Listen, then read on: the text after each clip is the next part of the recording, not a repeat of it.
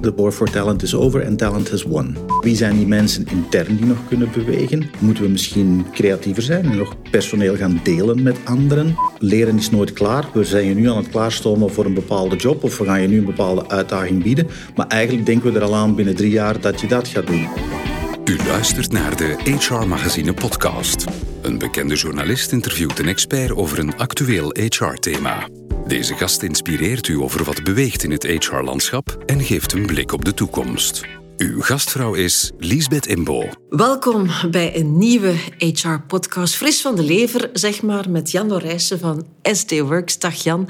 Je zit al tien jaar bij SD Works. Eh, je bent daar consultant, maar ook onderzoeker en zo verbonden ook aan de leerstoel Next Generation Work, Creating Sustainable Careers van de Antwerp Management School. En laat dat nu net ook het thema zijn van vandaag, dat talent management, hoe het talent van vandaag en morgen vinden en behouden.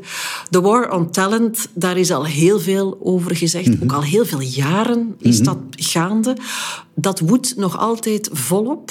Dat woedt nog altijd volop. Uh, en ik denk wat een, uh, iemand anders daar een paar jaar over geleden zei, nog meer waar is dan ooit. De war for talent is over en talent has won. Talent heeft toen al gewonnen en zit dus nu eigenlijk aan de sterke kant van de onderhandelingstafel. Dat heeft te maken met een stuk demografie minder mensen die gewoon afstuderen, meerdere mensen die op pensioen gaan. Uh, dat heeft ook te maken met skills, dat heeft te maken met de nood aan nieuwe skills. Dus ja, als je op dit moment als data scientist op de arbeidsmarkt bent, dan ben je zeer gegeerd. En tegelijkertijd zitten we met een aantal mensen die misschien moeten herscholen. Dus ja, dat blijft een zoektocht en dat moet als nooit tevoren. Als nooit tevoren, het neemt alleen maar toe? Ja, ik denk het wel. Um, als je nu kijkt, ook uh, corona, post-corona... Uh, ondanks het feit dat er nog altijd een aantal mensen in tijdelijke werkloosheid zitten, verwachten we effectief wel, of zien we effectief wel, dat bedrijven, organisaties niet voldoende mensen vinden om effectief de noden van het bedrijf, om de productie draaiende te uh, houden, bijvoorbeeld. Dus dat zijn toch wel echte noden die er zijn op dit moment. Uh, tegelijkertijd zijn er misschien ook bedrijven die een stukje overschot hebben, omdat ze nog niet volledig aan het draaien zijn. Dat zijn op dit moment de uitdagingen wel waar, het, waar het over gaat. Bedrijven zijn er dan al langer mee bezig uh, met die war on talent. Heb je toch de indruk hè, vanuit jouw werk en jouw onderzoek dat ze dat toch nog beter, efficiënter zouden kunnen doen? Beter, efficiënter, mogelijk wel, maar ik denk vooral ook creatiever. Ik denk dat we de bedrijven, organisaties heel lang hebben kunnen terugvallen op traditionele manieren van recruteren en mensen op de payroll te nemen, arbeidscontracten te geven. Typisch ook uitzendarbeid, beroep te doen een stukje op de flexibiliteit van de uitzendarbeid. Maar we gaan denk ik creatiever moeten worden om ja, die vraag naar talent, uh, om die ook voldoende te kunnen aanvullen, om daar dus uh, voldoende ook de supply, de aanvoer tegenover te zetten. Um, en dat kan via allerhande kanalen, maar één belangrijk kanaal zal toch zijn om intern ook te gaan kijken, hoe dat we intern die mensen vinden, wiens job mogelijk gaat wijzigen, uh, of wiens job mogelijk permanent gaat verdwijnen ten gevolge van ja. digitalisering maar ook aan te vullen met mensen die freelancer zijn. Daar ga ik het zo meteen over hebben, okay. maar ik vond dat idee inderdaad dat jij lanceert van kijk naar de supply chain en ja. laten we dat eigenlijk hertalen naar die war on talent, die talent chain, zeg maar. Hoe, hoe zie je dat? Ik denk dat het een zoektocht is om te kijken, in plaats van heel ad hoc te kijken, of op jaarbasis of op maandbasis, wie zijn de mensen die we nu nodig hebben en daarvoor te gaan uh, proberen recruteren. Misschien is een langere termijn bril op te zetten en een stuk naar buiten te kijken ook van waar zitten die mensen dan? Hoe kunnen we die vinden? Verder te kijken dan alleen maar recrutering, wie komt er op de arbeidsmarkt? Ook al is dat belangrijk. Hè. We gaan kijken ook van welke studenten gaan er afstuderen bijvoorbeeld. Maar toch ook te kijken van ja, wie zijn die mensen intern die nog kunnen bewegen.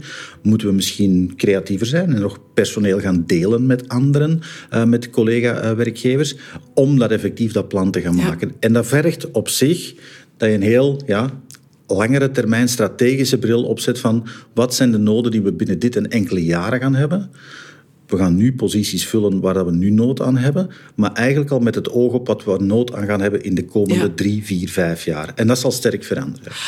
Laten we de dingen wat segmenteren. Hmm. Inderdaad, als je kijkt van, van bron tot einde, zeg hmm. maar, hè, zoals bij de supply chain, er zit de bron natuurlijk bij zij die nog niet afgestudeerd zijn. Mm. Ook daar zie je inderdaad dat uh, grote bedrijven daar al volop aan het recruteren zijn, terwijl ze eigenlijk nog die, die mensen zelf die kennis aan het vergaren zijn die ze zullen nodig hebben. Klopt. En vroeger en vroeger ook. Hè. Ik denk zeker voor hogere opgeleide profielen dat campus recruitment aan de universiteiten al gebeurt in derde jaren en dergelijke. En aan de andere kant zien we ook, met name in het technisch en het beroep secundair onderwijs, dat er meer en meer experimenten rond duaal leren bijvoorbeeld hun weg vinden, net om ervoor te zorgen dat we tijdig het juiste talent vinden, zodat ze opgeleid geraken en in duaal leren bijvoorbeeld, mogelijkheden daarvan, een stuk kwalificatie al hebben op uw eigen werkvloer en zo makkelijker doorstromen en zo eigenlijk ja, die pijplijn van talent mee aanvullen voor je organisatie. Want dan ga je toch naar een stuk andere dingen kijken. Want ja, je kan niet kijken naar... Uh, hij was een primus inter pares op het einde. Hè. Hij heeft uh, afgestudeerd met een onderscheiding, hoogonderscheiding. Daar, je moet op andere dingen gaan letten als je al zo vroeg gaat recruteren. Zeker. Ik denk dat kwalificatie natuurlijk wel een rol speelt. Mensen zitten in een bepaalde studierichting, zijn daar bepaalde vaardigheden aan het verven. Zeker wel. Um, bedrijven zijn ook meer, en meer aan het kijken naar het principe, ja, hoe zit het met de attitude? Hè? Hire for attitude, train for skill. Alles wat nog bij moet geleerd worden en we gaan nog bij moeten leren, dat zullen we dan wel, wel vinden. Denk ook aan de knelpuntberoepen bijvoorbeeld, waar heel wat bedrijven eigenlijk ervoor openstaan om mensen met niet de perfecte kwalificatie of zelfs een beperkte kwalificatie aan te werven als ze dat zien zitten om ervoor te komen werken. En ze zullen die wel bijscholen, ze zullen die wel vormen voor wat er nodig is op dat moment en in de toekomst. Ja, die attitude die dan dus vooral gezocht wordt, is flexibele manier van denken, openstaan voor van alles? Onder andere, denk ik. Eh, open, open geest, zeker wel. Eh, maar vooral ook een leerattitude. Um, leren is nooit klaar. We zijn je nu aan het klaarstomen voor een bepaalde job of we gaan je nu een bepaalde uitdaging bieden. Maar eigenlijk denken we er al aan binnen drie jaar dat je dat gaat doen. Dus in welke mate sta je ervoor open om te leren? Iets waar we misschien te weinig aandacht voor hebben. Je weet ook, levenslang leren staat hoog op de agenda van een aantal van onze ministers, maar in de realiteit gebeurt dat nog weinig. Bedrijven realiseren zich meer en meer, organisaties, allerhande werkgevers, dat ja, opleiden wel het nieuwe recruteren aan het worden is. Ja, want dat sluit aan met wat je daar straks zei, ook intern. Klopt dat is eigenlijk ook dat een beetje. Dat continu jouw mensen nieuwe richtingen uit Absoluut. duwen, stimuleren om die nieuwe plekken in te vullen. Absoluut. De kans dat je een job hebt voor je leven bij één werkgever is miniem. Dus we moeten ervan uitgaan dat je eigenlijk gaat voor een loopbaan voor het leven en dat we mensen ook moeten ondersteunen. Ook het onderzoek dat we doen samen met Hans de Vos gaat erover hoe kunnen we mensen loopbaancompetenties meegeven, zodat ze zich realiseren dat ze diezelfde job niet voor het leven zullen doen, uh, maar misschien wel een aaneenschakeling van hele leuke jobs bij bij dezelfde werkgever of bij verschillende werkgevers. En dat zal de realiteit blijken te zijn. Uh, nu zijn er nog een percentage van mensen misschien die dat, dat wel nog kunnen, hun job voor het leven bij één werkgever, maar dat is echt een minimaal percentage aan het worden. Als we dan vooral gaan kijken naar talent op de schoolbank, bij manier mhm. van spreken. En anderzijds het talent dat we al in huis hebben. Zal dan het klassieke recruteren, waar we ons verhaal mee begonnen zijn, waar heel veel bedrijven toch nog altijd op rekenen. Ik, ik heb een vacature, ik kijk naar de interimbureaus en wat kunnen ze aanleveren of wie kunnen ze aanleveren. Zal dat dan minder een aandeel worden of blijft dat aandeel wel even groot in die grote vraag? Wel, er blijven natuurlijk mensen op de arbeidsmarkt komen en er blijven ook mensen zoeken naar andere jobs. Dus dat zal een belangrijk aandeel worden van het vullen van die pijplijn. Ehm, maar zoals, we, zoals je begon met te zeggen, of zoals we begonnen zijn met te zeggen, uh, het talent heeft gewonnen. Hè. Dus het talent staat aan de goede kant van de onderhandelingstafel. Dus het zal ook aan werk werkgevers, organisaties uh, opdracht zijn om een aantrekkelijk werkgever te zijn en alles uit de kast te halen om die mensen te overtuigen om voor jou te komen werken. En wat is een aantrekkelijk werkgever? Een aantrekkelijk werkgever zijn bedrijven die erin slagen om inderdaad aan te geven, te vertolken waar ze voor staan, uh, waar ze voor gaan, waardoor ze gepassioneerd zijn. Gaat dat dan over de waarden van het bedrijf? Dat kan de waarden van het bedrijf. Sustainability kan dat zijn. Dat kan ook uh, het product zijn, de dienstverlening die waar men voor staat, waar we mensen voor proberen aan te trekken. Dat kunnen de uh, randvoorwaarden zijn, de arbeidsvoorwaarden, de mogelijkheden om flexibel te werken bijvoorbeeld. Het zijn allemaal aspecten die daar deel uit van maken om te zorgen van, ja, kijk, dit is een aantrekkelijk werkgeverschap. Ook bedrijven die erin slagen om u een loopbaanperspectief te geven. Niet alleen van we, willen je voor deze job. Daar houdt het nee, we willen voor deze job. En we gaan verder kijken wat er nog allemaal mogelijk is. Uh, dat zijn denk ik inderdaad aantrekkelijke ja, het, het, grotere verhaal. Het, idee dat je dat je echt een toegevoegde waarde bent voor het bedrijf en dat ze Jan nooit meer kwijt willen. Ja, dat is dan de, de andere kant van, van de medaille natuurlijk. De, kant dat je die, de kans dat je die nooit meer kwijtspeelt is natuurlijk ook klein. De kans is relatief groot hè, dat mensen nog elders gaan. Maar dan gaat het erover van hoe kunnen we de tijd die we dan samen doorbrengen wel productief en heel aangenaam doorbrengen bijvoorbeeld. Met een toegevoegde waarde voor werkgever en werknemer. Je zei daar straks ook al, hè, we gaan kijken hè, naar de campus, het recruteren, interne mobiliteit. Maar de freelancer, die zien we toch ook overal uh, oprukken. Hè? De, de, iemand die tijdelijk eigenlijk toch wel de, de, de krachten komt vervoegen. Ja, klopt. Uh, zowel freelancers, maar ook bijvoorbeeld externe adviseurs en dergelijke. Ik denk dat dat een heel belangrijke aanvulling is van die totale workforce, als je het zo mag noemen, van het hele talentmanagement. Zeker. En belangrijk ook dat dat gebeurt, zowel voor taken die heel specifieke skills vergen misschien, die niet nodig zijn echt in het bedrijf, maar die wel op voor een bepaalde opdracht of voor een bepaalde uh, taak heel belangrijk zijn? Zeker wel. We zien daarin ook een toename. Dat blijft in het geheel van de arbeidsmarkt, denk ik, een relatief kleine groep. Hè. Omdat de meeste mensen toch nog altijd graag die vaste job ja, hebben? Denk dat, dat vast contract, zal het zo formuleren. De, de, norm, of waar naar gestreefd wordt, de norm is nog altijd inderdaad contract van onbepaalde duur. Uh, meestal fulltime bij een werkgever. Er komt ook meer en meer deeltijdse arbeid. Dat klopt, maar er zijn ook meer, meer en meer mensen die kiezen, die gekozen hebben om inderdaad freelancer te zijn, voor zichzelf in te staan. Voornamelijk binnen de IT, binnen de communicatie en de marketing, maar ook in de culturele sector bijvoorbeeld. In Amerika zie je dat enorm toenemen, hè? De, de hang naar zelfstandigheid. Ja, voor een deel. En tegelijkertijd uh, wordt dat ook weer fel overroepen. Uh, dat wordt een stuk vertekend uh, door het feit dat Amerikaanse burgers, werknemers, ook vaak een tweede job hebben. En dus eigenlijk dat, ze dat dat een soort freelancer in bijberoep is, bij wijze van spreken. Mensen hebben het daar gewoon moeilijker om de eindjes aan elkaar te knopen soms. En zoeken dan een bijberoep. Maar het neemt wel toe. Hè, blijkt ook uit het onderzoek dat, eh, dat een aantal jaren heeft gedaan.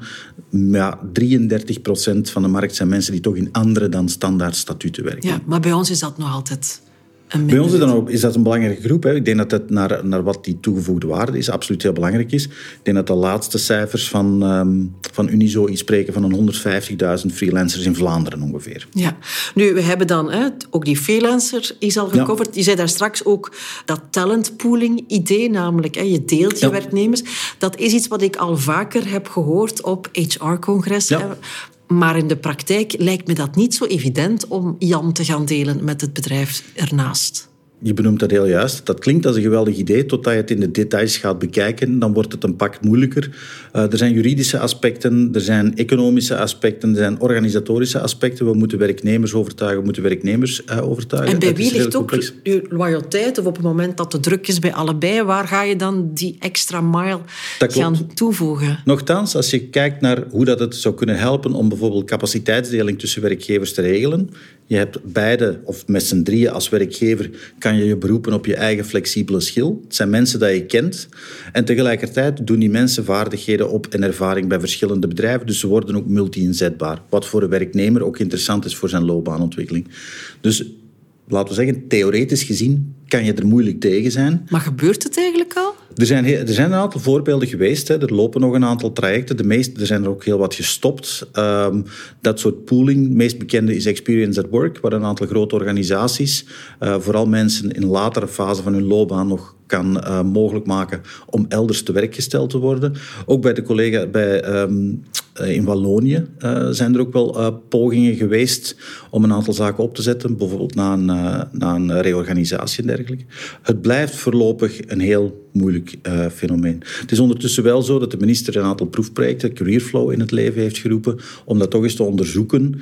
Um, zeker vanuit post-corona en de mogelijkheid dat er nog wat gereorganiseerd gaat worden in een aantal organisaties, dat we toch vermijden in een opkomende conjunctuur dat mensen in de werkloosheid zouden vervallen uh, en dat we die dan een nieuw job moeten gaan vinden, terwijl dat we die best van de ene naar de andere zouden kunnen toeleiden. Ben jij er een believer van? Uh, ik ben zelf een hele grote believer. Um, als het wordt bekeken inderdaad als een project met toegevoegde waarde voor werkgever en werknemer en niet als, als een kostefficiëntieoefening. Ja, ja. Er komen kosten en baten bij te pas, maar het moet voornamelijk ook een perspectief bieden van oké, we zijn op zoek naar een duurzaam arbeidsmodel met een win voor werknemer, werkgever, maar eigenlijk ook de arbeidsmarkt. Als die mensen niet in werkloosheid komen, dan is dat ook een, eh, een interessant gegeven voor onze, voor onze beleidsmakers uiteindelijk. Nu, je hebt dan dat talent, je hebt er dan al die moeite voor gedaan. Ja. Ze zitten daar dan eigenlijk, dan is natuurlijk de zaak inderdaad van ze te behouden. Is het dan money talks, bullshit walks? Oei, dure Engelse woorden. Ehm, ik denk uh, dat het daar een kwestie wordt van heel erg kijken naar investeringen in leren en loonenontwikkeling. Uh, ook de adviezen van de relance-adviezen van de expertencommissie voor de minister van Werk, alles wijst erop. Um, we moeten veel meer gaan investeren met z'n allen in opleiding, zowel werkgevers, financieel, zoals werknemers, ook als tijd, om te zorgen dat je dat loopbanen kunt uitmaken. Wat ik daar straks zei, blijft gelden. Een aantal skills gaan we niet meer nodig hebben, een aantal nieuwe gaan we moeten leren, een aantal jobs gaat verdwijnen, de OESOS gaat 14 procent, ten gevolge van digitalisering, automatisering. Um, maar de meeste jobs, de meeste mensen gaan aanzienlijk veranderde jobs tegemoet kijken en dus ook moeten leren. En de grootste uitdaging, denk ik, zal zijn uh, om mensen effectief aan te moedigen om dat te blijven doen. En dat is heel moeilijk, denk ik, voor heel wat werknemers die bijvoorbeeld twintig jaar in hun loopbaan niet meer geleerd hebben. Die hun leerspier niet meer getraind hebben, bijvoorbeeld. Maar je zei inderdaad, the talent has won. Ja. Die, die zitten dus in de driver's seat. Merk je dan ook dat zij dat vertaalt in de eisen die ze stellen en het opbod dat er misschien is tussen werkgevers om inderdaad dan toch de beste te kunnen houden? Well, ik denk dat dat zeker is. Hè. Dus in een krappe arbeidsmarkt gaat dat zeker spelen. En voor een aantal knelberoepen speelt dat ook zeker. Al merk je wel dat werkgevers zich ook meer en meer realiseren van het opbod van een euro per uur of meer financiële middelen minder en minder begint te werken. Uh, kijk wat corona heeft gedaan, de mobiliteit, de mogelijkheden om thuiswerken. Het hele plaatje hoe dat mensen kunnen werken, uh, waar dat mensen kunnen werken, hoe dat ze zich verplaatsen, gaat een heel grote rol spelen. Dus wat je in het begin zei van, ja, ze zitten aan de onderhandelingstafel goed. Het gaat niet alleen om financiële uh, zaken, het gaat ook veel meer om niet-financieel reward. De vrijheid. De vrijheid, de autonomie, de mogelijkheid om je niet te verplaatsen, of als je je moet verplaatsen, dat je de keuze hebt hoe je je gaat verplaatsen, uh, waar je gaat werken. En dat is natuurlijk ook maar een verhaal dat speelt voor een deel van de arbeidsmarkt. Laten we niet vergeten dat er tijdens corona heel wat mensen wel op de werkplek zijn verschenen. Uh, en daar gaat het dan voornamelijk over goede en veilige werkomstandigheden die een heel groot verschil gaan maken. Als het talent uh, zo krap is, als ja. het talent zo krap is, en iedereen wil de beste kersen mm -hmm. natuurlijk binnenhalen, krijg je wel nog voldoende goed talent binnen? Is er wel nog voldoende goed talent? Of moet je toch die lat lager gaan leggen en dan inderdaad maar hopen dat je het opgevuld krijgt via uh, leren op de werkplek en dergelijke meer?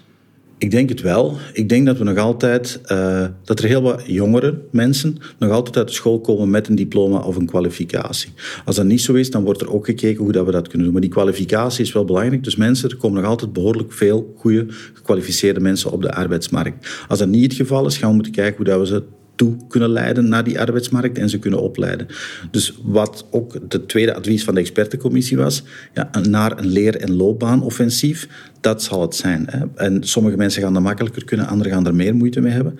Wat je zei klopt, het is gewoon krap. Dus het gaat er ook over om iedereen die wil werken en iedereen die iets wil leren, Laten we dat doen. Ja. Dat we die aan boord pakken en die aan het werk zetten. Denk ook aan de uitdagingen naar werkzaamheidsgraad en dergelijke in dit land ja, we gaan iedereen die kan, slash wil werken, uh, gaan zijn talent nodig hebben om het, ja. uh, om het voor elkaar te krijgen. Want dan zei je ook al natuurlijk, als je slim bent als werkgever, dan denk je na, kan ik nu iets doen met Jan? Maar vooral ook, wat kan ik morgen doen met Jan en overmorgen met Jan? Zijn bedrijven daar al voldoende mee bezig? Hebben ze daar misschien ook überhaupt de ruimte voor om zo uh, proactief te kunnen vooruitdenken?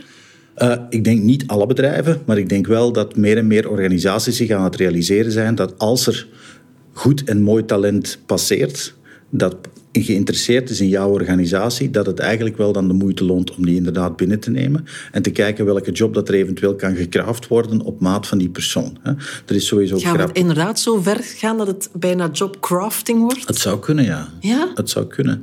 Uh, te meer ook als je kan realiseren dat je niet noodzakelijk die persoon zelf volledig moet te werk stellen, maar misschien wel kan delen met het bedrijf naast de deur. Dan komen we weer bij talentpooling. En bij het begin van ons gesprek creatieve oplossingen uh, zoeken om dat effectief mogelijk te maken. Ja. Ja, want natuurlijk, ja, de job van morgen, daar wordt vaak ook veel over gespeculeerd. Maar ik denk dat veel mensen drie jaar geleden ook niet gingen denken dat we een aantal skills nu zo hard gingen nodig hebben. Dat klopt, maar dat is nu net een thema waar heel wat bedrijven wel mee bezig zijn. Om te identificeren wat zijn de skills die we gaan nodig hebben binnen dit drie, vier, vijf jaar binnen het eigen bedrijf. En kunnen we daar dan eventueel al analyses op gaan doen, wie we daar naar kunnen toeleiden, welke mensen dat we moeten vinden op de arbeidsmarkt, welke dat we moeten gaan vinden bij de schoolverlaters. Uh, en het is, dat gaat natuurlijk een stuk over digitale skills, zeker. Uh, maar alle onderzoeken wijzen ook uit dat het heel veel gaat over uh, skills rond samenwerken bijvoorbeeld, analytische skills, synthetische, taalvaardigheid bijvoorbeeld ook. Um, dus heel wat human skills gaan terug bovenkomen en gaan nodig zijn om het, uh, om het hoofd te kunnen bieden aan de uitdagingen. Maar als ik jou hoor, Jan, die War for Talent, over vijf jaar gaan we daar nog eens een podcast over maken. Dat zal nog altijd volop woede? Uh, ongetwijfeld. Ik denk dat we die eigenlijk jaarlijks moeten maken om te kijken dat het, hoe dat het evalueert. Omdat ook daar, ja, de creativiteit zal misschien een laatste punt dat we moeten maken. Misschien moeten we talent zelfs niet alleen hier vinden bij ons eigen geografisch grondgebied, maar zit het gewoon elders in de wereld. En kunnen we het zo ook wel inschakelen. Dat heeft toch ook wel corona bewezen, ja. dat mensen niet noodzakelijk op de werkplek moeten zijn. En dat wordt dan een heel stuk van de oplossing ook. Ja, inderdaad, over het muurtje gaan kijken, hè. letterlijk en figuurlijk. Jan, maak jou hartelijk danken om langs te komen. En u uiteraard ook hè, om weer in ons oor te willen kruipen. Tot de volgende. Met veel plezier.